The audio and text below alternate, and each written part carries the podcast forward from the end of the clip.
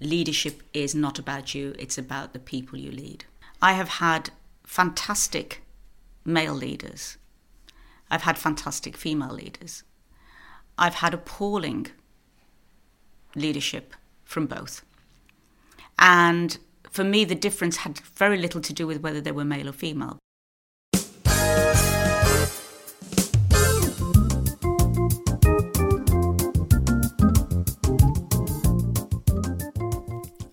Velkommen til podkasten. I dag så skal vi snakke om lederskap. Eh, alle har vi hatt en leder, eller kanskje du har vært en leder, kanskje du er en leder. Ledere det er folk som tar beslutninger, de bestemmer ting.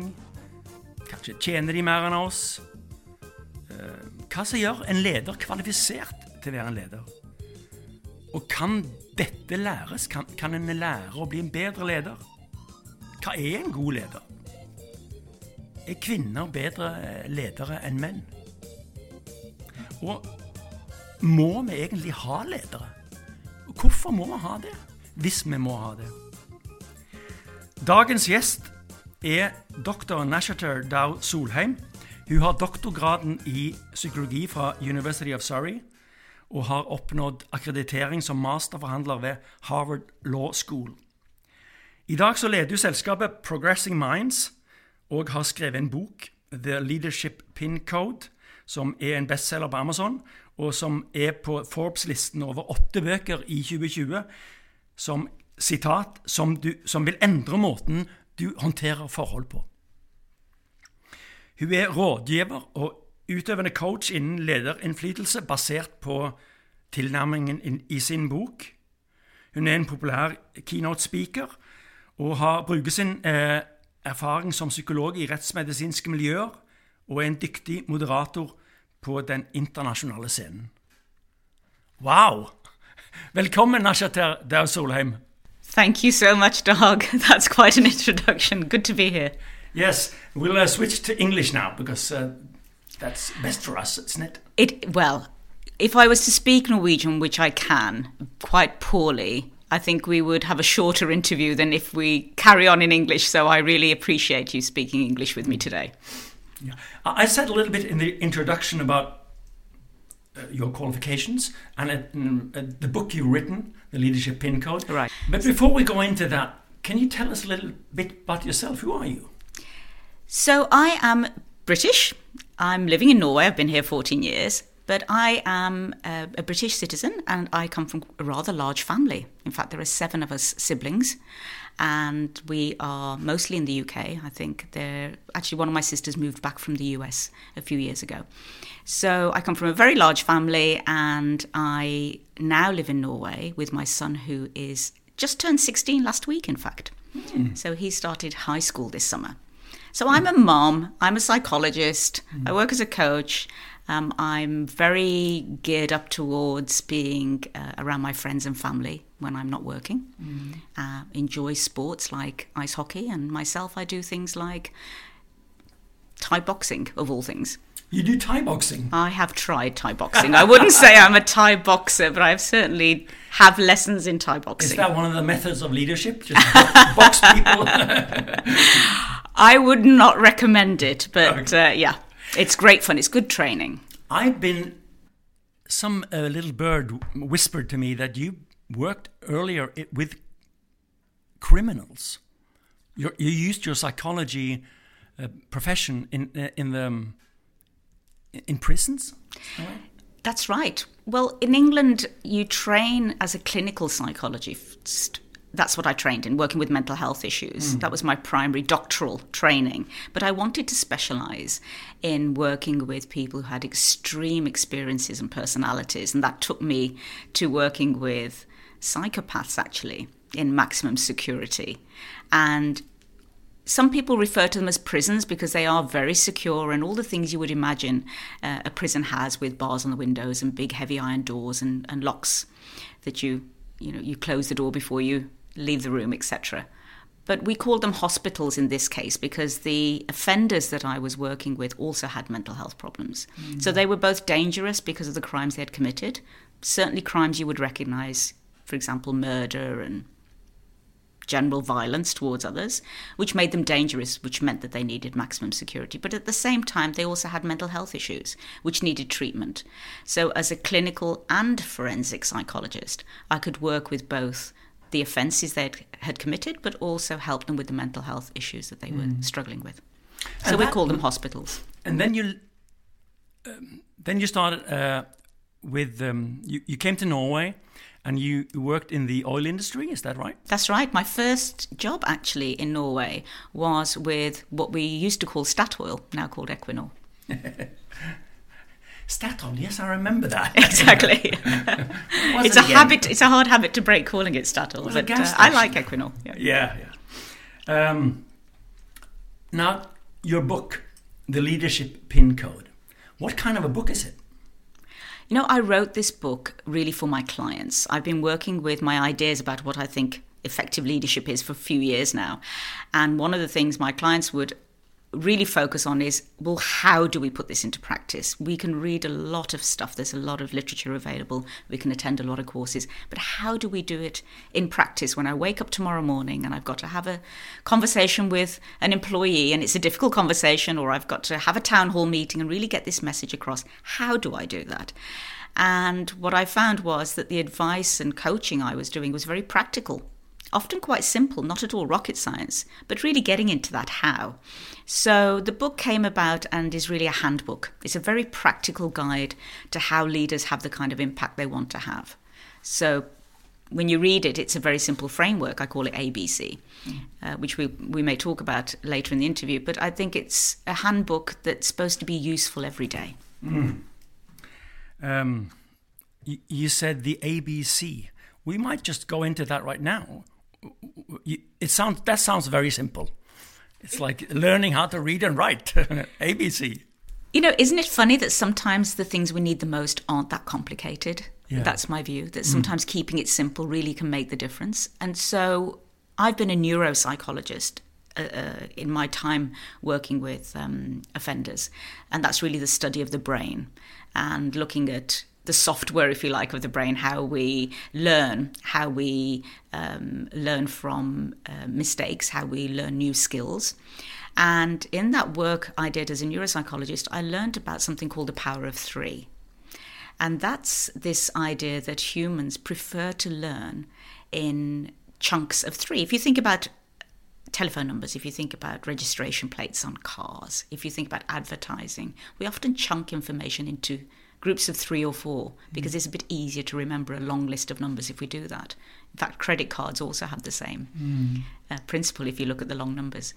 And that comes from a lot of research in neuroscience that tells us we find it simply easier to remember three things mm. than 12 things. Mm-hmm. And as I was developing my idea about this practical handbook for leadership, I wanted to be true to that principle that it needed to be in a framework that was going to be easy to remember. And since I know as a neuropsychologist that three is a bit of a magic number, then I need to find a framework that's perhaps true to that principle of three. Now, I crystallized through a lot of work with leaders, a lot of working with leaders and interviewing leaders and, and reading literature, what might be the three simplest things we can do to have the impact that we want to have. And as I observed leaders in practice, the ones that I admired, the ones who were seemingly getting it right, I saw that they did three things. They were very well prepared. They did advanced preparation, I call it, or their approach was well prepared. That's the A. That's the A, yes, right? Correct. So they would think through and learn a little bit about the person they were going to have the conversation with. They would work out what their interests were, what they might be stressed by, what their priorities were. They would prepare their questions before they went into the room. They would think about how they could best get their message across. And in doing so, they were really addressing their mindset.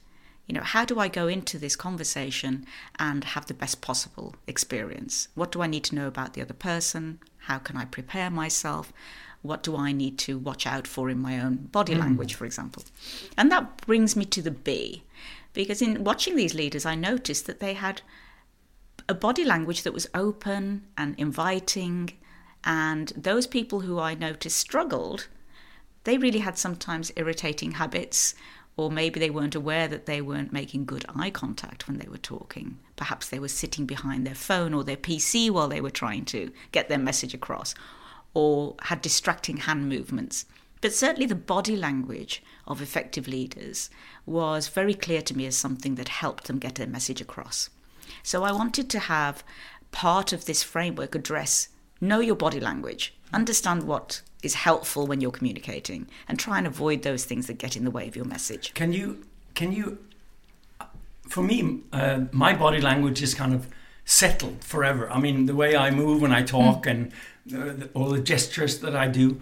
But if I if I was a, were an actor, the the, the um, director would tell me to move differently, and, and I had to get into that role. Can you learn body language, or, or you really can, and we do actually, if you think about it, without maybe being very conscious about it. So, although you might say, I think my body language is set, we've been taught to, for example, well, not now in COVID, of course, but we would have been taught to perhaps reach out a hand and shake a hand when we meet. Mm-hmm. That's a good thing to do. Yes. It wouldn't have been instinctive necessarily, but it's something we've learned as we've grown up. Perhaps our parents taught us that it's a good idea to smile when you meet people for the mm. first time, or it's important to, um, for example, uh, not have your hands over your mouth when you're talking, or don't frown when somebody's talking to you about something that may be upsetting for them. So we've learned very small and very easy ways of moderating our body language mm. to try and have a better conversation or a better relationship with mm. somebody. So I definitely think we can learn it. Mm. What I work with in leadership is how can you be conscious about some of those things that you're doing that already help? So maybe just making that explicit. Did you know that your eye contact is great? Are you aware that when you relax your arms, your message is clearer? But also helping them to notice things that might be getting in their way. Yes. So I do agree that body language can be learned. Okay, you you, you have a good prepar- preparation, your approach, and you've tuned your body language. Uh, and what's the C? Well, the C is your conversation. So that's what's going to come out of your mouth. And that's that's important. But interestingly, a lot of people spend uh, an enormous amount of time on getting the questions right, thinking about what they're going to say, and they forget about the A and the B. So for me, the C is very important. What questions can help? What responses can be useful? Things not to say and things to say. And I go through that in the book and give tips around helpful responses and maybe responses that mm. will encourage people to open up and share. Mm. But I'll also mention phrases and responses that people use that might close down conversations. Mm. So the C is conversation, the words that come out of your mouth. I would argue that the A and, and the B have probably more impact than the C. And there is a lot of research to suggest that 80% of your impact is in how you say something, not what you say. Mm. So the audience will remember how they felt when they spoke to you more than they will remember what you actually said to them. Mm. So the ABC is really the, the core of what I call influencing skills. Be prepared and understand what the other person needs from you or is should be interested in in order to work with you or uh, follow your lead.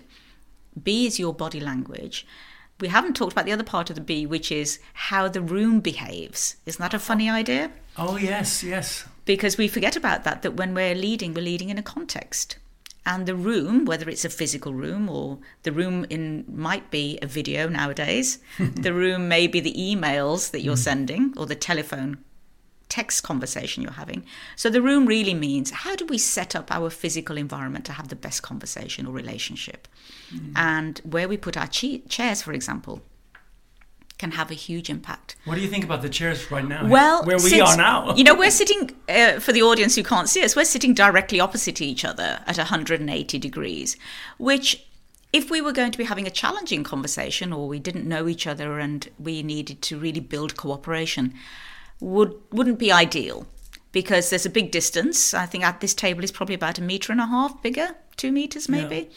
Well, so I, I have to tell you, my daughter she's a psychologist, and she she saw me setting up this table this Yeah. morning, and she said, "You can't have that. It's too close." because I was, I, nobody can see what we're talking about now, but we, I put the microphones a lot closer, and so Right. she forced me to move them back. So That's interesting. So this is only a COVID. Uh, Absolutely. Because Yeah. of COVID, we are having to learn to be more distant. yeah, and she said you have Rightly to have so. two meter distance. Absolutely. I think it's about two meters. It probably is. Typically, if we're in a physical environment, then sitting at a right angle gives us much easier um, access to each other's space. Yeah. It feels more collaborative. The eye contact is more natural. We feel like we're in this together. So, I will talk a lot about how we can create the physical environment to help us to have a more cooperative or collaborative mm. conversation or build a more trusting relationship. Nowadays, I'm doing a lot of work, Dag. It's interesting that you raise this idea about COVID because now we're having to manage the physical space virtually. So, I, but you know, some of these lessons are equally relevant to how we build trust and connection on a screen. So, hmm. if I have to be distant from you and I can't sit near you, then how do I build trust and connection with somebody who is just a face on a screen and hmm. perhaps even be in another city? Hmm.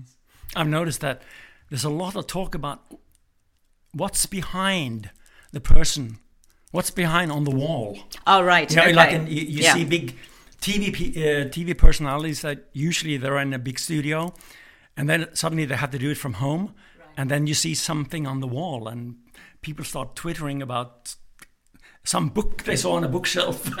well, like that BBC guy Yeah. I, interview, I think that went viral um, on social media, where his daughter, I think, runs into the room, That's and uh, somebody has to remove It's the lovely. children.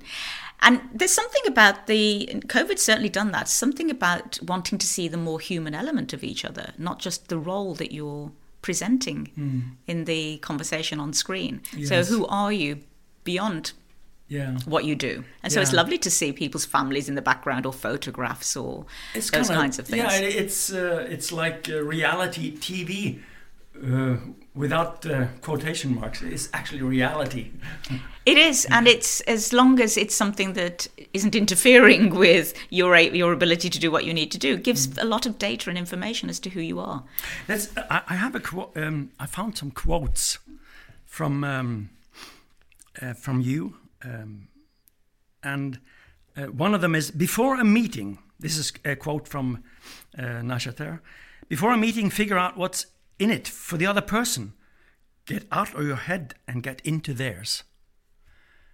Uh, can you can you say something more about that? So that's part of my A. Yeah, I, your I- advanced yeah, preparation. course, yeah, I should have had that earlier, but it's interesting how you can turn off yourself. It's so important for Yeah. me. I think this is probably one of the things I talk most often about when I'm working with leaders and employees. That as leaders, we're often very focused on our agenda. I have this task, I have this need, I have this problem to solve. You are working for me, so I will just tell you what I need and have you do it. Hmm. I'm putting it on the edge now as an extreme. You know, all leaders do that, thankfully, but that certainly is what we're preoccupied with often as leaders. Is I have a need and I need you to work with me on it. And in doing so, leaders often jump into speaking first, delivering the mandate and the agenda that they have first. And when they meet resistance or confusion or even curiosity as to, well, why are you asking me to do this? What is this really about? Or I haven't got time, or I'm not sure I agree that this is the right direction, they can get very frustrated. Hmm. And what they're missing, and I, the reason I mentioned that in the book so clearly is what they're missing is really understanding what the other person's motivation and interest in doing what it is that's needed mm. is. And if you were to start with, and great negotiation theory and research shows this to be very effective, if you start the conversation and at least your preparation with trying to understand where is this person that I'm about to ask this request of? Where are they now? What's important to them? What are their priorities? Are they overloaded right now? So, is this going to be an additional task I'm going to ask them to help me with that's going to put more stress, more tension into their world or into our relationship? So, how can I present it in such a way that I can have the best chance of cooperation? So, how can I get into their head and understand what's going on for them? then I have the best opportunity for trying to match my request onto what their interests are So that and create the, the uh, win win. That would be a big part of the approach in a way. It's an enormous part of the To, to do actually research on, well, not a kind of a research on what is the other, what are the other people um, interested in, what, what's important for them. And you know, I, I I heard as well when you mentioned research there, we, we kind of find that uncomfortable. We're going Yes. to research people. You know, is that ethical? Is it okay? Yeah, yeah, yeah. Well, let's put a different word to it, but it's the same work, which is how well do you know people? Mm. How well do you know your team? Mm. How well do you know this employee that you're going to ask this request of? Mm. And, you know, I talk about entitled and engaged leaders in my book, and the entitled leaders who believe that their mandate and their title is enough and gives them permission to just go in and demand that this work is done, hmm. that this employee gets on with whatever it is that they've been asked to do. They will often just not know their employees beyond the role and the tasks that the employee is engaged in. Hmm. And for me, that's not leading. That's you really aren't leading if you don't know your people and you mm. don't know the individuals within a team. Mm. So even yesterday, I was having a conversation with a client about how do we how do we ensure that we are true to the diversity of the individuals within a team. Mm. That the team isn't one thing. And for me, that's really about knowing each individual. What are the individual interests, the individual drivers, the individual motivations? So that when I go and speak to you, Dag, let's say I'm the leader and you're in my team, I'm going to treat you with uh, in a different way based on your needs and interests than perhaps your colleague who may have different priorities, different interests, different needs, different drivers. And that's really important in getting out of my head and just worrying about what I want you to do for me. You mentioned it to uh, the difference or the uh, engaged and entitled leaders. Hmm. Um, of course, the entitled leader, like the king, Or queen. yeah, or the queen, yeah, they, they just, I'm going to be the king now, and uh, you just have to live with it. Right. Or, or and what's the opposite? What's the engaged? So the engaged leader is aware of their experience if they have it, but they're very much more aware that they have something to learn in every situation that they go into mm. or every person that they meet. That every time they lead in the moment, so they're leading this team or they're leading this task or they're leading this person in the team, they are learning something new that they haven't done before. So they remain curious and open. And in that way, they are more likely to pick up information about how to best motivate and engage this group of people than resting on their experience and saying, Well, I've done this before, I know everything. It doesn't matter what task you give me or who are you put in front of me, I can always do it. I want to pick up on that because uh, every time, or there's a lot of times when we hear about leadership discussions, it's uh, about um, if you're a good leader, if you proved yourself, and uh, and if you you got your huge salary and your your parachutes and all all these things, you can lead anything. You can just be plopped in to any organization or any uh, environment, and then you start leading. And it is how do you how do you feel about that? Is that true? I, I disagree with it entirely. yeah. And the reason for that is I've seen that it's not so much your history of how long you've been leading before or how many different kinds of challenges or projects or environments you've led in that makes you effective if you are then dropped into a new one.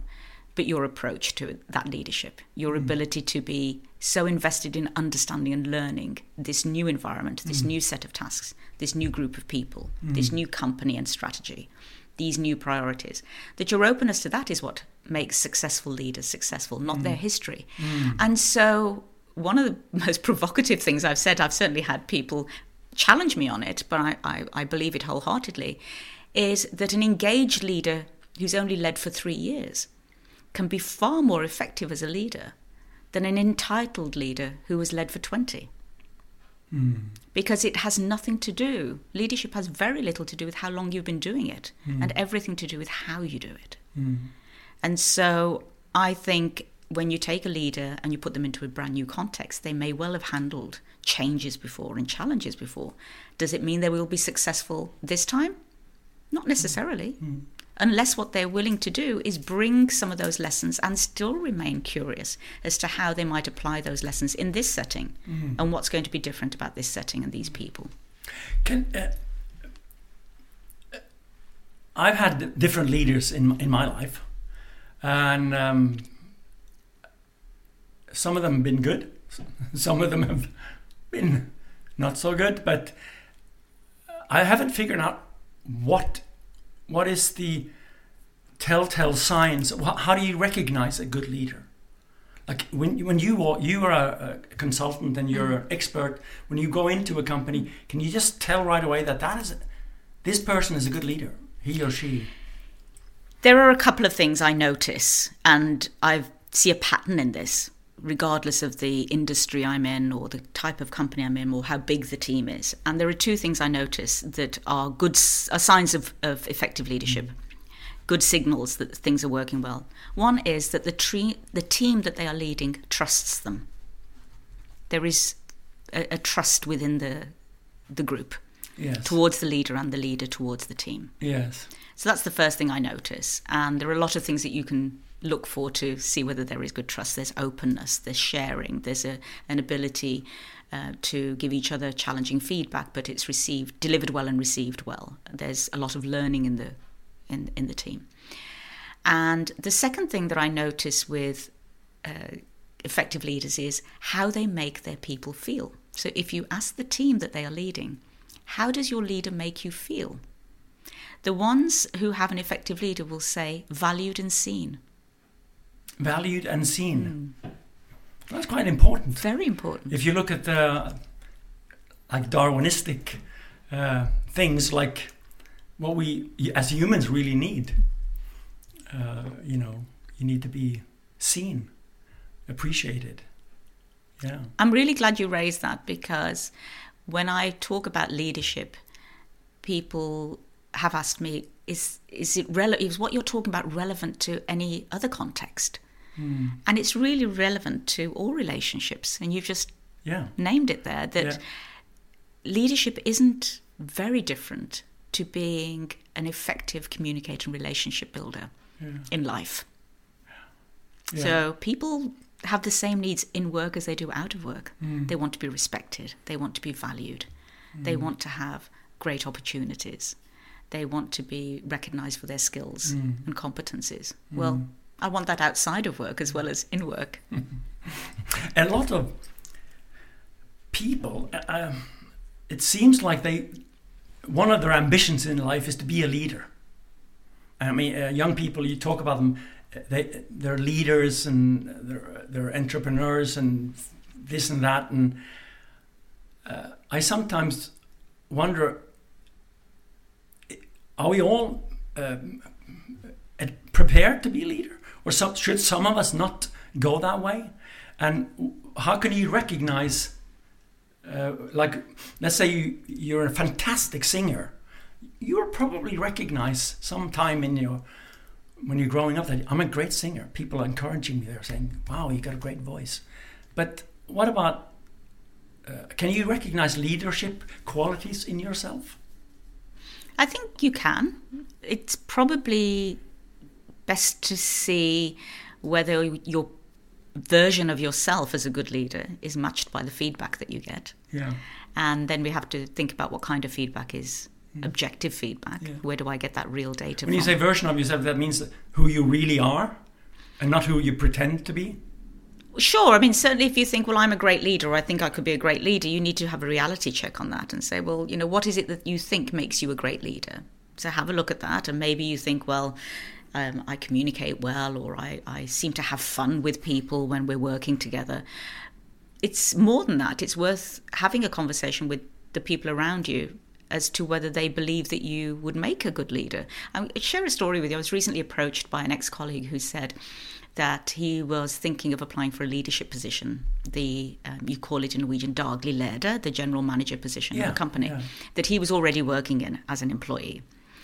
And I had worked there myself historically, and he asked me whether I thought he would make a good leader for that company, since I knew the company well. Oops.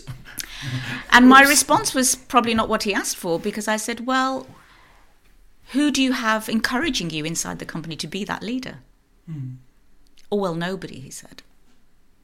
I said, Well, if leadership is, as we understand it, to be to lead a group of people who are willingly following you, then it's probably worth checking out whether your colleagues would like to be led by you. Mm-hmm. Mm-hmm. Because this role of leadership isn't about you getting the seat at the top of the table mm-hmm. and all the th- great things you could no doubt do, but whether people will follow you. And so his self insight, I think I could be a good leader, was not checked. He hadn't checked that out. He hadn't looked for any corroborative evidence that actually other people thought so too. Hmm. So self insight for me, and I talk about this in the book, is not enough to tell you that you're a good leader. You need to have feedback from others, objective feedback. And, and self insight is also very subjective. Exactly. it's like the definition of subjectivity. It is. And so I rarely suggest that people, because they think they are a great leader, um, go into leadership positions without having checked that out with some hmm. other objective feedback. Hmm. So um, I, I had to I have to say that I really fell in love with that title of your book, the leadership pin code, and um, as I understand, there is something behind those. A pin code is normally uh, it's what you use. Uh, everybody knows this, so why am I, uh, am I saying it? But it's a it's what you have to press in to get something to work, or to open your net bank, or whatever. It's like the key to something. So, but you have something behind those letters. I'm, I'm really interested that you've picked that up because there are many layers to that title. The PIN part of PIN code actually is an acronym for persuasion, influence, and negotiation. And very deliberately picked because those are the skills that I believe And leaders need. I came up with that because in during my research into what are these skills that you know we talked at the beginning, what are these skills that leaders need to have every single day to have the kind of impact they want? And of course, understanding your business strategy and, and value creation and how teams work together and all of those things is important. But if you can't translate it into practice every day, you're going to struggle. And that's where I started to look into what are the skills that leaders need to be able to translate the what into a how every day. And the more I dug into that, the more I realized it was your ability to persuade people. Can I persuade you to work with me on this task, even if you've got a lot of other things going on? And how do I do that? How do I have influence? How do I create a positive, motivated, engaged team? How do I have positive influence with people rather than pointing and telling and demanding and controlling or micromanaging? How do I build positive engagement? And that's really positive influence. And we negotiate in life every day. We are constantly trading. You know, if I help you with this, can you help me with that? You know, if um, I need more support on this task, perhaps that means that you'll get more recognition. Perhaps you'll get a promotion by engaging in this project. There's often a trade, there's often a win win. And so, persuasion, influence, and negotiation was an easy way for me to cluster the skills which have a lot of overlap between them. And the overlap really is that you put the other person at the center rather than yourself. Because persuasion, uh, it sounds like you're manipulating something. It's like, uh, but I, I, if we go behind the word and the immediate associations we have with the word, is persuasion is to get somebody to share your motivation uh, and want something the same way as you want it. I'm often asked whether what is behind these techniques is manipulative. Yes. And I think I even addressed this in, in, in the book, where my view is that we are all engaged in relationships with each other You do. where we get something for ourselves. Whether you're married to somebody, you're in a, a friendship or parent child relationship, there is always something we want from it, whether it's love or care or respect. So it's not manipulative to want something from a relationship. What's manipulative is how you go about getting it. And if you do so at the cost or suffering of the other person, it's manipulation. And so, what I'm really training people in in the book is how not to do that, how not to create suffering mm. and uh, to get your needs met at the cost of, but quite the opposite. Mm. How to start with the other person's needs, how to put yourself in their shoes, how to have empathy, and really understand what is it that this person will gain by working with me on this. Mm. What can I do for them in order for them to be able to feel motivated to work with me? Mm. So it's important difference that these skills are about creating mutual positive engagement rather than a one-sided manipulation. Yeah, because everywhere, all the time, we're persuaded uh, um, by advertising, by, by the church. There's a lot of people or and organizations and and philosophies that try to persuade us, and some of them are very good uh, intentions, uh, and uh, so as a leader, if you, when you when you talk about persuasion and leadership, it's with the best intentions. Uh, so I get it. But I must. I just. Um, I don't know if you know this, but I googled the term pin and the etymology. And and uh, do you know what it comes from? No. It, um, I don't know if this is uh, very important, but it, it's fun facts. It's um, in 1970 in India, they wanted to get uh, a system for the postal system, and they came up with something called the Postal Index Number, PIN, and they had um, a, a lot of numbers, and the first digit was like Kerala or some kind of region of India, and then, then second and third, so down to your house. So um, I like then, that because and and then it later turned into uh, personal identification number with the same acronym, but it, it actually the, the people who got it first was the in, Indian postal system. I like that, and I like the idea that it still speaks to what I have yes. thought about in the PIN code, and why I called it the PIN code and not PIN something else mm. was because I think every leader has their own way of leading, and what I want to do with the book is not encourage everyone to be a, a, the same kind of leader that you have to copy each other's ways of doing things, but that you find your own way. Within that, you can have your own pin code, you can have your own way of persuading and influencing and negotiating. You have your own body language, you have your own approach, you have your own ways of saying things within the frames that I suggest are helpful. So you can you can use the pin code method that I train to bring out the best in your way of leading. So you have your own pin code, so to speak. Mm. And when I coach leaders, I will coach them to identify what's your toolkit mm. now. What's your ABC going to be for mm. handling conflict conversations or for handling uh, a strategy yeah. presentation? It's like learning uh, your your password to get into your net bank. Right. You you are certainly going to remember that because it is important for you.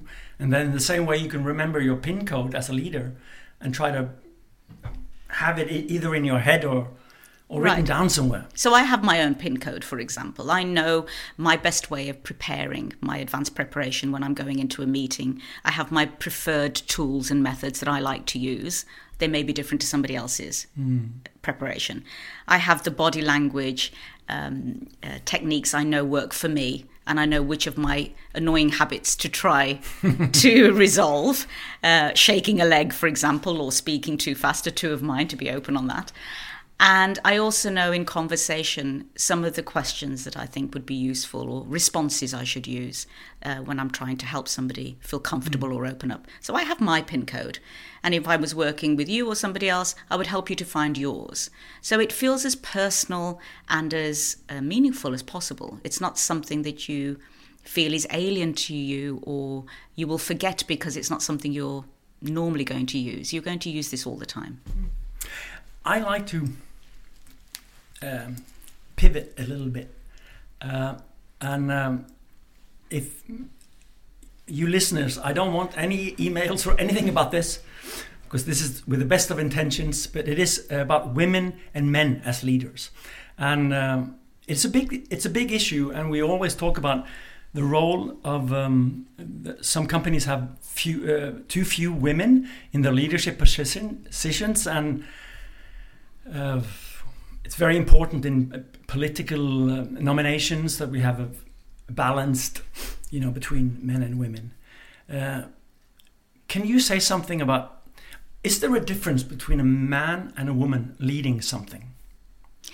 You know, I tackle this in the book very openly, and it's beyond the scope of this interview but it's a much bigger conversation about the reason behind the lack of diversity in in leadership when we don't have women represented um, in, in top leadership positions across lots of industries and other arenas in politics, etc. And there's a lot of other, uh, I think, uh, perhaps better placed people to talk about why that, that is the case. There is a lack of diversity in other areas too, in terms of ethnic representation, for example. Mm. So, what I talk about in the book is that whether you are a, an effective leader, for me, has had little to do with your gender. I have had fantastic male leaders. I've had fantastic female leaders. I've had appalling leadership from both. And for me, the difference had very little to do with whether they were male or female, but more to do with what I talk about, which is the kind of influence and impact they were mm. able to have with the with me and the team that they were leading. And my concern in going down this gender conversation for leadership is that we start to suggest that leadership is is something that's biological and related to your gender. Yeah, but I sometimes it's like, oh, this and that company got a new leader. Uh, it's a woman. Check. You know, then everything is okay, and they, you kind of check that box. Well, I can't comment on whether the reason they picked the woman was because she was a woman or she was the best person for the job. I would like to think that when women are appointed as leaders, it is because they were right for the job. Yeah, but just outside... in the same way as men would be. Yeah. Um, I think the challenge becomes, and you will probably get a lot of emails on this if we continue down this route, Dag, is Come that is that we don't we don't seem to have that concern when men are appointed that it's check. No. And so it's not fair to do so when women, point. yeah. And yeah. so it's not fair to do it when women. And I see, particularly on LinkedIn, when women are appointed in senior leadership positions as CEOs or, or uh, you know, other senior positions, that there is a lot of championing and cheering, rightly so, that you know it's great to see a woman in a mm. position it also for me is tinged with sadness that we have to see it as so unusual that we have to highlight it and celebrate it in that way. And I look forward to a day when becoming a, a, a leader at the top is celebrated full stop mm. because it had less to do with gender than it had to do with the right person in the right role at mm. the right time. But I accept that we are far from that reality today. Yeah, because the, the, the discourse has kind of gone off the rail. I think that I see memes now in social media where they say um, they, they look at the leaders in different countries, male or female, and then look at the number of COVID cases. It's like if you if there's a woman in the leadership position, there's less COVID than in where the male. Uh, I think you're referring to some of the politicians. Um, I think data on the number of countries with um, infection rates. Yes, yeah. Uh, and then in like, COVID and who the gender of the politicians leading those countries. And, it right. seems to suggest that women are more caring and, and kind of they are the mothers and they can make people healthier. Or, uh, but that has to be wrong. I mean, the, or, or is it is there something there? I think we're into a bigger conversation about whether women are more empathic and caring as women I think you than are, men. You want to stop this conversation. Well, uh, the reason is because I think it goes into something that's much more than just a case of you know are women better than leaders uh, better leaders than men i think it's got much more to do with how we view uh, mm. male characteristics and female characteristics mm. i don't like to think about only women having empathy for example no because I, I wouldn't say that that was fair on the men who i think do have empathy oh. or that only men can be brave uh, because i know women who can be so I, I, I, the reason I avoid these conversations is because they can get a little bit into the stereotyping of gender and characteristics that I think takes us down a very unhelpful and unproductive route around, mm. therefore, what you're capable of doing. Mm. Yeah. You know, because you are brave, are you more capable of doing things? Yeah. Because you are empathic, does it make you more capable? And I think we can get into dangerous water around inferring people's abilities based on some of these quite loose characteristics. You're so right. So uh, I knew we'd agree. I, I, I, take uh, full responsibility of this uh, detour of this conversation. and you can send all the mails to Dag yeah. on that subject. Yeah, uh, yeah. Okay. Um,